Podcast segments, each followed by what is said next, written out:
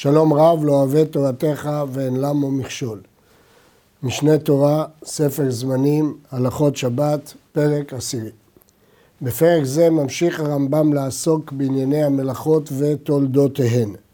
בפרק זה נידונות שמונה מלאכות במלאכת כושר ואילך. הלכה א', הקושר קשר של קיימא והוא מעשה אומן חייב.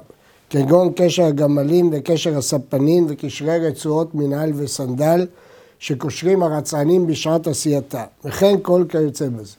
אבל הקושר קשר של קיימא ואינו מעשה אומן, פטור. וקשר שאינו של קיימא ואינו מעשה אומן, מותר לקושרו לכתחילה. ובהמשך כותב הרמב"ם, וכל קשר שאינו של קיימא, אם קשרו קשר אומן, הרי זה אסור. נסביר את שיטת הרמב"ם. אמרנו כמה פעמים שמלאכות שבת חייבים עליהן כשהן מלאכות מקצועיות. קשר, כדי שהוא יהיה מקצועי, כדי שיהיה חשוב, כדי שיהיה מלאכת מחשבת, דרושים לו שני תנאים, לפי הרמב"ם ולפי הריף. שהוא יהיה מעשה אומן, כמו גמלים, ספנים, רצענים, ושהוא יהיה של קיימא, דהיינו שהוא לא עומד להתיר מיידית או בעוד יום-יומיים. כאשר שני התנאים האלה מתקיימים, הוא גם קשר שאומן וגם של קיימא, חייבים עליו. כאשר אף תנאי לא מתקיים, דהיינו, הוא קשר הדיוט והוא עתיד להתיר, מותר לכתחילה. כאשר אחד מן התנאים קיימים, דהיינו, אומן ולא של קיימא, או קיימא ולא של אומן, פטור אבל אסור. שיטה זאת ייחודית לרמב"ם ולריף, רש"י ואחרים חולקים וסוברים שהכל תלוי אם הוא מתקיים או לא מתקיים. וכל הדוגמאות של האומנים הן רק דוגמאות של קשר של קיימא. גם לפי דעתם יש שלוש דרגות, אלא ששלוש הדרגות הן האם מתירים אותו מיד או לאחר כמה ימים, יש אומרים שבוע, או שהוא קיים לעולם. לעולם חייב חטאת, מיד מותר לכתחילה, ולאחר זמן קצר פטור אבל אסור. אמרנו ששיטת הרמב"ם, שרק בהתקיימות שני התנאים חייב חטאת. המקרים האלה כמעט כולם מפורשים בגמרא, חוץ מהמקרה של אה, קשר אומן שאינו של קיימא, אבל גם לזה הגר"א מביא מקורות מפורשים מהגמרא. הלכה ג' קוצרת אישה מפתחי החלוק, אף על פי שיש לו שני פתחים, וחוטי סבכרה אף על פי שהוא רפוי, ורצועות מנהל וסנדל שקושרים אותן על הרגל בשעת מלבוש, ונודות יין ושמן אף על פי שיש לו שתי אוזניים. והרמב"ם מביא דוגמאות נוספות ומסכם, מפני שכל אלו הקשרים מעשה אדיוטן ואינם לקיימה.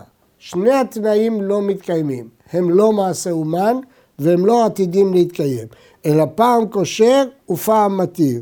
לפיכך מותר לקשור אותם לכתחילה. נוסיף ונאמר שבין הדוגמאות האלה הן דוגמאות שיש שני קשרים, ולפעמים פותחים אחד ולפעמים פותחים את האחר. היה עולה על דעתנו שכאן יהיה אסור, מכיוון שייתכן והוא יפתח תמיד רק צד אחד, ואם כן הצד השני יהיה של קיימא.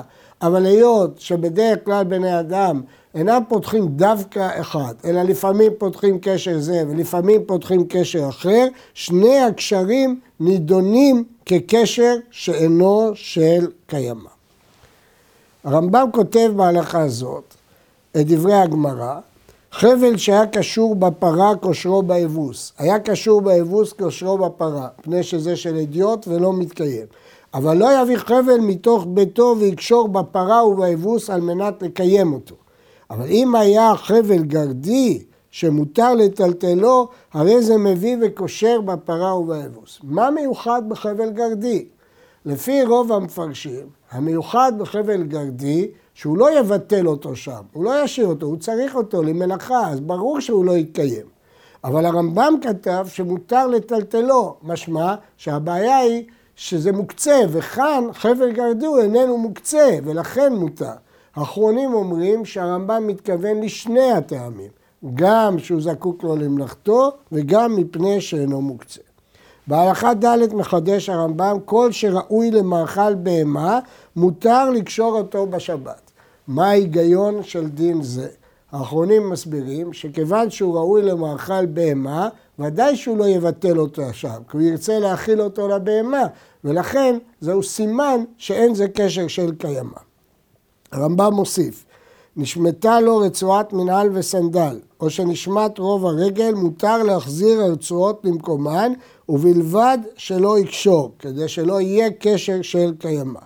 ואם נפסקה רצועת, סנדל, רצועת סנדלו בכרמלית, נוטל מילח הראוי למאכל בהמה וחורך עליו, כפי שהסברנו קודם, וקושר גמי, מפני שהמאכל בהמה הוא לא מבטל אותו שם. המגיד משנה מסביר כיצד ההלכה הזאת מסתדרת עם דברי התלמוד.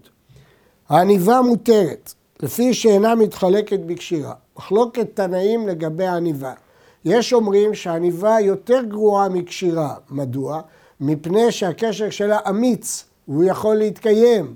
אבל התנאים החולקים סוברים שהעניבה מותרת, מפני שבקלות ניתן לפתוח אותה.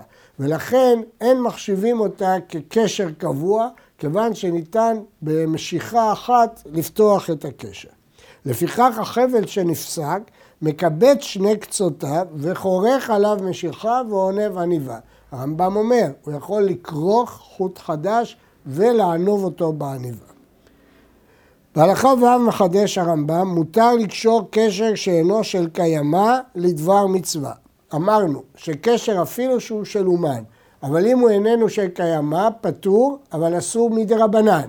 כיוון שהוא אסור רק מדרבנן, הוא הותר לצורך מצווה. זאת המשנה האחרונה במסכת שבת, כגון שיקשור למדוד שיעור משיעורי תורה. נימת כינור שנפסקה, קושרים אותה במקדש אבל לא במדינה, משנה בעירובין, ולא יקשור נימה לכתחילה אפילו במקדש. ובכן, מה אנחנו למדים כאן? שני היתרים.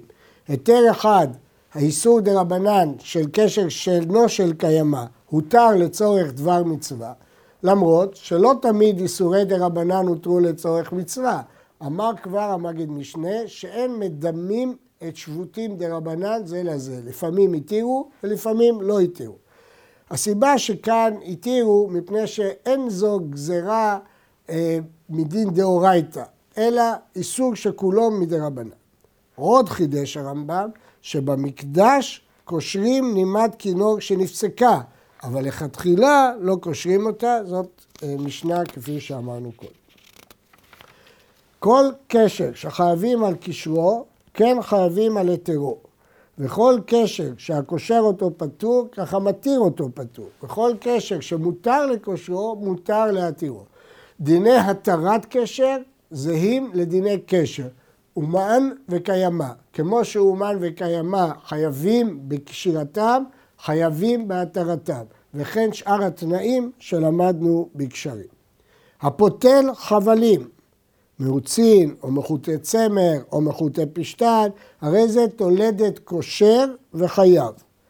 אם כן, אדם שפותל חבלים זה תולדה של מלאכת כושר לפי דת הרמב"ם. בירושלמי יש שהוא מדין תובע, אבל הרמב"ם פה כותב שהוא מדין כושר. ושיעורו, כדי שיעמוד החבל בפתילתו בלא קשירה, שנמצאת מלאכתו מתקיימת. דהיינו, צריך פתילה כזאת שתצליח לעמוד לבד, ואז זאת מלאכה מתקיימת. וכן המפריד את הפתיל, הרי זה תולדת מתיר וחייב, והוא שלא התכוון לקלקל, כי כמובן מקלקל פטור כפי שדיברנו פעמים רבות.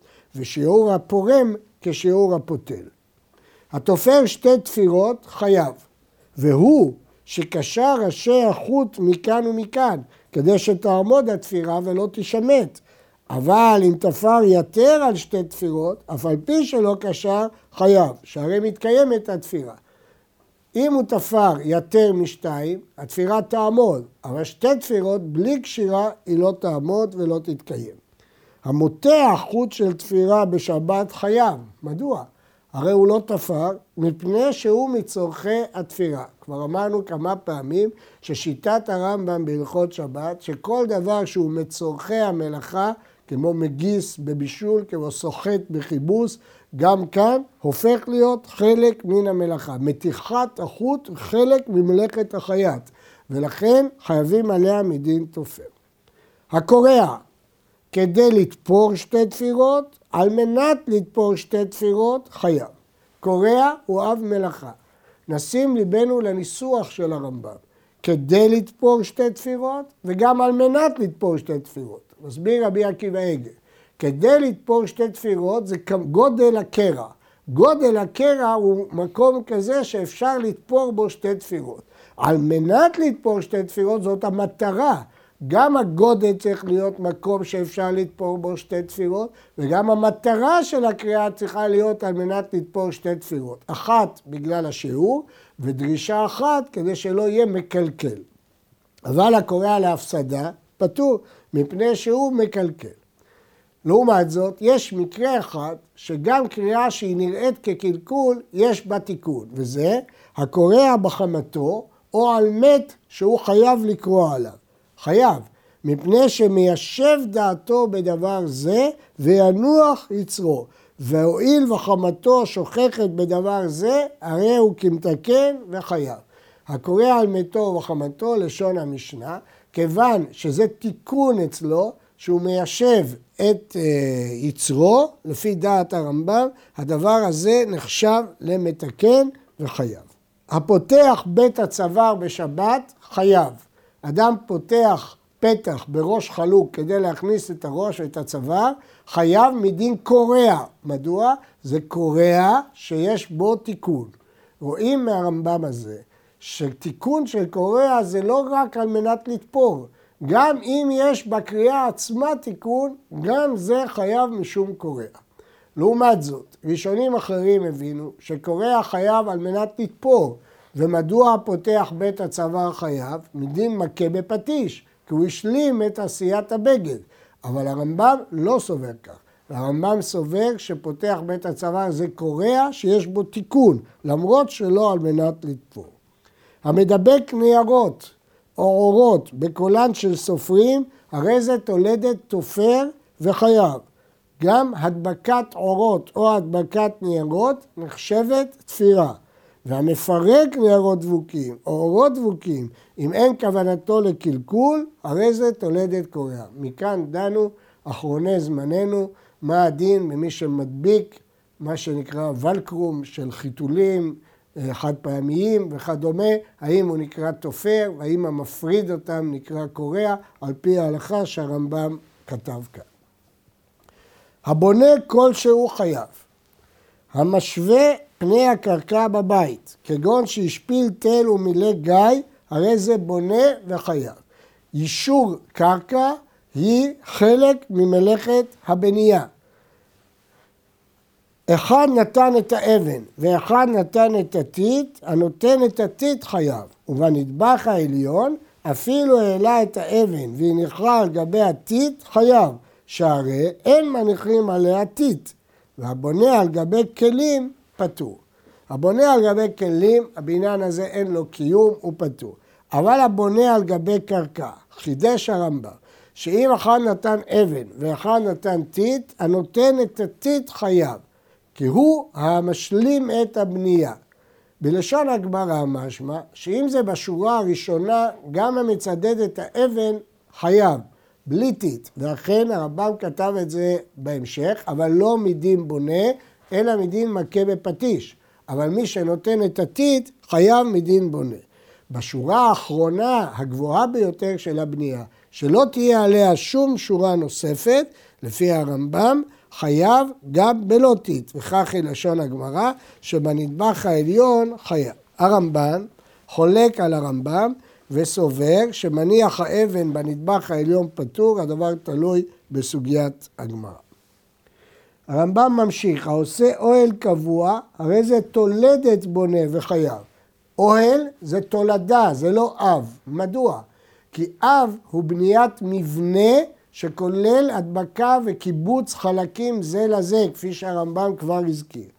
אבל אוהל מצד אחד זה מבנה שמגן על האדם, אבל אין בו קיבוץ חלקים כמו בבניית בית, ולכן זה תולדה. וכן העושה כלי אדמה, כגון תנור וחבית קודם שישרפו, הרי זה תולדת בונה וחייב. שיטת הרמב"ם, שמי שבונה כלי שלם, חייב. ומה שלמדנו, שאין בניין בכלים, אין הדבר אמור על מי שבונה כלי שלם, אלא אין בניין בכלים. כלומר, על בנייה בכלי, הרכבת כלי מפורק. אבל בניית כלי שלם, לפי הרמב"ם, חייב. ישנם ראשונים שחולקים, רש"י, אבל זאת שיטת הרמב"ם בכמה מקומות. וכן המגבן את הגבינה, הרי זה תולדת בונה. יש כאן קיבוץ חלקים זה לזה, לפי הרמב"ם זה בונה. אחרים חשבו שזה דה רבנן, אבל שיטת הרמב"ם שזה דאורייתא. המכניס יד הקרדום בתוך העין שלו, הרי זה תולדת בונה, שיטת הרמב"ם, שבניית כלי שלם חייבים עליה משום בונה. וכן, כל התוקע עץ בעץ, בין שתקע במסמר, בין שתקע בעץ עצמו עד שנתאחד, הרי זה תולדת בונה וחייב. אני מזכיר שאמרנו שבונה בנוי משני מרכיבים, בניית מבנה וקיבוץ חלקים. בניית מבנה שאין בה קיבוץ חלקים כמו אוהל זה תולדה, קיבוץ חלקים שאין בו מבנה כמו עץ בעץ זה תולדה, ושניהם תולדות של בונה. הלכה י"ד, העושה נקב כלשהו בלול של תרנגולים כדי שייכנס להם האור, חייב משום בונה. כולם מקשים מרמב"ם שכתב לקמן בפרק כ"ג, העושה נקב כלשהו שהוא עשוי להכניס האורה או להוציא ההבל, הרי זה חייב משום מכה בפטיש. וגם, הוא כותב לקמן, עושה נקב בין בעץ ובין בבניין, הרי זה תולדת מכה בפטיש. אמנם הכסף עליך משנה מתרץ, שחייב גם משום בונה וגם משום מכה בפטיש. אבל רבים מתרצים שמדובר בשני לולים. לול אחד שמחובר לקרקע, שהלול מופיע יחד עם בור, ולכן כשהוא עושה חור להכנסת האור הוא בונה, אבל לול שאינו מחובר לקרקע, אלא הוא כלי, כיוון שאין בניין בכלים, החיוב הוא רק מדין מכה בפטיש. הסותר כלשהו חייב, אבל כיוון שזאת מלאכת קלקול, והוא שיסתור על מנת לבנות, אבל אם סתר דרך השחתה, קלקול, פטור. ממילא גם הסותר אוהל קבוע, שראינו שהוא תולדת בונה, או שפרק עץ תקוע, הרי זה תולדת סותר, והוא שהתכוון לתקן. המכה בפטיש הקיה אחת חייב, וכל העושה דבר שהוא גמר מלאכה, הרי זה תולדת מכה בפטיש וחייב. כיצד? המנפח בכלי זכוכית, והצר בכלי צורה, אפילו מקצת צורה, והמגרד כלשהו, ועושה נקב כלשהו, בין בעץ, בין בבניין, בין במתכת, בין בכלים, הרי זה תולדת מנקה בפטיש וחייב. בכל פתח שאינו עשוי להכניס ולהוציא, הם חייבים על עשייתו. רבים התלבטו בהבנת מלאכת מכה בפטיש.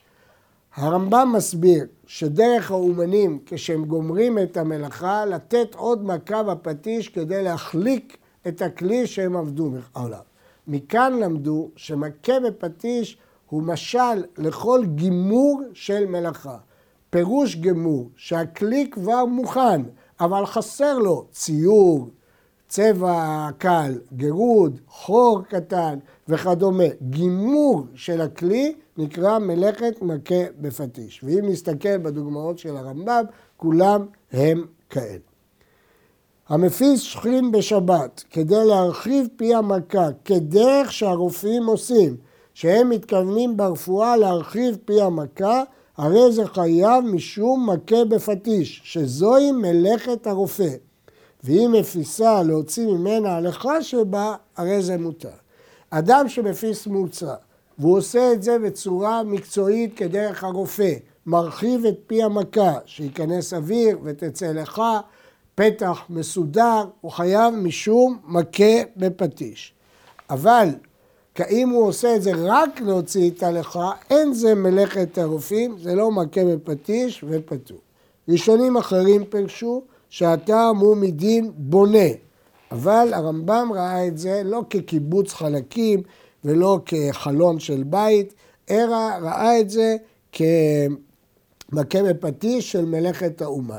נדגיש, לכאורה הרמב"ם פוסק שמלאכה שאינה צריכה לגופה חייב, אם כן מדוע להוציא לך פטור? רבים התקשו בזה, והתירוצים המקובלים הוא שלהוציא לך אין זו מלאכה כלל, לא שזאת מלאכה שאינה צריכה לגופה, זה כלל לא מלאכת האומן, אין פה משום מכה בפטיש. המסטט את האבן כלשהו חייב משום מכה בפטיש. הרמב"ם פסק כאן כשמואל, למרות שבמחלוקות האחרות פסק כרב, לגבי מסטט הוא פסק כשמואל והדבר תלוי בגרסאות הגמרא. המצדד את האבן ביסוד הבניין חייב משום מכה בפטיש. הרמב"ם חולק על הסוברים שחייב משום בונה ופוסק שזה מכה בפטיש. הלוקח יבולת שעל הבגדים בידו, כגון אלו היבולות שבכלי צמר חייב משום מכה בפטיש והוא שיקפיד עליהם. אבל אם מסירן דרך עסק כמתעסק, הרי זה פטור. המנער טלית חדשה שחורה כדי לנאותה ולהסיר הציוב הלבן הנתלה בה כדרך שאומנים עושים, לפני שהאומן מוסר חליפה ומנער את החוטים המיותרים שדבקו בה, חייב חטאת מדין מכה בפטיש, ואם אינו מקפיד, מותר. ראשונים אחרים הבינו שהחיוב כאן בטלית הוא מדין מכבס, מלבן, ולא מדין מכה בפטיש. מכאן עובר הרמב"ם למלאכת צידה. הגדרת צידה היא שלילת חירותו של בעל חי שדרך לצוד אותו. הצד דבר שדרך מינו לצוד אותו חייב, כגון חיה ועופות ודגים, והוא שיצוד אותם למקום שאינו מחוסר צידה, כלומר, שהוא כגון שרדף אחר צבי, עד שהכניסו לבית או לגינה או לחצר ונעל עליו. גם רדף וגם נעל. מכאן דייקו אחרונים, שאם הצבי היה בבית והוא רק היה נועל, ייתכן שזה לא מספיק להיקרא צידה. או שהפריח את העוף עד שהכניסו למגדל, או שלט דג מן הים בתוך ספל של מים, הרי זה חייב, כי הוא ניצוד. אבל אם הוא הפריח ציפור לבית ונעל עליו, כיוון שהציפור עדיין יכול לברוח בתוך הבית מפינה לפינה, אין זאת נקראת צידה. או שצבי נכנס לטרקלין רחב, אין זאת צידה, כי עדיין הוא צריך לרדוף אחריו כשיבוא לקחת אותו. לפיכך הצד ארי אינו חייב עד שיכניסנו לכיפה שלו שהוא נאסר בה, כי רק בה החירות שלו נשללת. כל מקום שאם ירוץ יגיע לחיה בשחייה אחת, בהתכופפות אחת, או שיהיו הכתלים קרובים זה לזה עד שיפול צל שניהם לאמצע כאחד, הרי זה מקום קטן. ואם הבריח הצבי וכיוצא בו לתוכו חייב, מקום שהוא גדול מזה, פטור. הרמב"ם כותב את הגדרות הגמרא לגבי מה נקרא ביבר קטן. שמונה שרצים האמורים בתורה, וגם שקצים מרמסים אחרים שיש במינם צידה, מי שצד אותם, בין לצורך, בין שלא לצורך, חייב. מדוע? כי הרמב"ם לשיטתו שמלאכה שאינה צריכה לגופה, חייב. אפילו אם הוא צד את הישן ואת הסומך חייב. מדוע? כי גם כשהוא ישן עדיין אי אפשר לתפוס אותו בלי שהוא יברח. הגמרא אומרת את זה על צבי, ויש שפרשו שזה דווקא צבי, כמו שרמזו חז"ל על הפסוק בשיר השירים, דומה דודי לצבי, שהוא קצת ישן וקצת לא ישן, שגם בגלות הקדוש ברוך הוא משגיח עלינו. לכן גם אם הצבי נראה כישן, הוא עדיין לא ניצוד. המשלח כלבים כדי שיצודו, וברח הצבי מפני הכלב, והוא היה רודף אחר הצבי, או שעמד בפניו והבהילו עד שהגיע הכלב ותפס, הרי זאת תולדת הצד וחייו. חידש הרמב"ם שאדם שצד צבי יחד עם כלב, כפי שנהגו הציידים לעשות, חייב, למרות שיש לו שותף בצידה הזאת, הכלב, אבל שכיוון שכך דרך הצידה, שהוא, הצבי בורח מהכלב והוא חוסם אותו, או הוא מסייע לו, או מבהיל אותו עד שהכלב תופס אותו, הוא נחשב לצד באמצעות הכלב, אבל האיש הוא הצד. צבי שנכנס לבית ונעל אחד בפניו, חייב. למרות שהוא לא הכניס אותו לבית, אלא רק נעל בפניו. אני מזכיר שקודם למדנו רדף אחריו ונעל, ופה רק נעל. אבל אם אין אחד יכול לנעול, ונעלו שניים, חייבים גם שניים, כי זה לא יכול וזה לא יכול. אבל אם כל אחד יכול לנעול לבד, ושניים ינעלו, זה שניים שעשה הוא, שפטורים כפי שלמד. ישב אחד על הפתח ולא מילאו, הוא לא צד. ישב השני ומילאו, השני חייב, כי השני צד. אבל אם ישב הראשון ומילאו, כלומר הראשון צד, ובא השני וישב בצידו, ואחר כך עמד הראשון והלך לו, הראשון חייב, והשני לא עשה כלום. מדוע? הרי עכשיו השני צד, כי הוא לא עשה מעשה צידה. בשעה שהוא התיישב, הצבי כבר היה ניצוד, אלא שעכשיו אין לו חיוב לקום כדי לשחרר את הצבי. הצידה נעשית ממילא, הוא לא עושה פעולת צידה. הלמה זה דומה? לנועל ביתו לשומרו, ונמצא צבי שמור בתוכו שלא עשה כלום. הדוגמה הזאת היא דוגמה של המשנה, ורבים התלבטו מה הקשר בין המשל לנמשל. פה הוא נועל את הבית, אמנם לשומרו, אבל הוא נועל את הבית. מה שאין כן במקרה הקודם, שהאדם שהתיישב אחרי האיש הראשון לא עשה שום פעולת צידה, רק אחר שקם הראשון והלך נמצא הצבי ניצוד ממילא. הצד צבי זקן או חיגר או חולה או קטן פטור, כי כל אלה כבר ניצודים, הם לא יכולים לברוח. המפרק בהמה חייב העוף מן המצודה, פטור. הצד חייב העוף שברשותו, פטור, כיוון שהם כבר ניצודים, אין צורך לרדוף אחריהם. לכן אווזים ותרנגולים שהם ברשותו, אין זאת צידה. הצד דבר שאין במינו צידה, גול חגבים, חזיזים, צירים, יתושים, פרושים, הרי זה פטור, מכיוון שבכלל המין שלו לא ניצוד. אני מדגיש, אם הוא היה צד שלא לצורך, מין שראוי לאכילה או לשימוש, היה חייב, למרות שהוא לא צד את זה לשימוש, כי מלאכה שאינה צריכה לגופה, חייב. אבל אם בכלל לא צדים את המין הזה, אין במינו צידה בכלל, כאן הוא פטור. רמסים המזיקים, כגון נחשים ועקרבים, אף על פי שאינם ממיתים, הואיל ונושכים, מותר לצוד אותם בשבת, והוא שהתכוון להינצל מנשיכתם.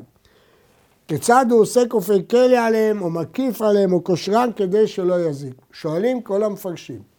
לכאורה הסיבה של ההיתר, כי זאת מלאכה שאינה צריכה לגופה, שהתירו לצורך. אבל הרמב"ם הרי פוסק שמלאכה שאינה צריכה לגופה חייב, אם כן מפני מה הוא התיר פה? מסבירים המפרשים, כי זה לא מלאכה שאינה צריכה לגופה. זה אינו מתכוון, הוא בכלל לא מתכוון לצוד. ולכן אה, זאת לא, יש אומרים יותר מזה, זו בכלל לא מלאכה, כי כל מה שהוא מתכוון זה להרחיק שהוא לא ישח אותו, הוא לא מתכוון לצוד אותו. כי לצוד פירושו לקחת, לשלול חירותו כדי לקחת אותו. פה הוא רק רוצה לחסום אותו, לכן פטור, ולצורך מותר לכתחילה.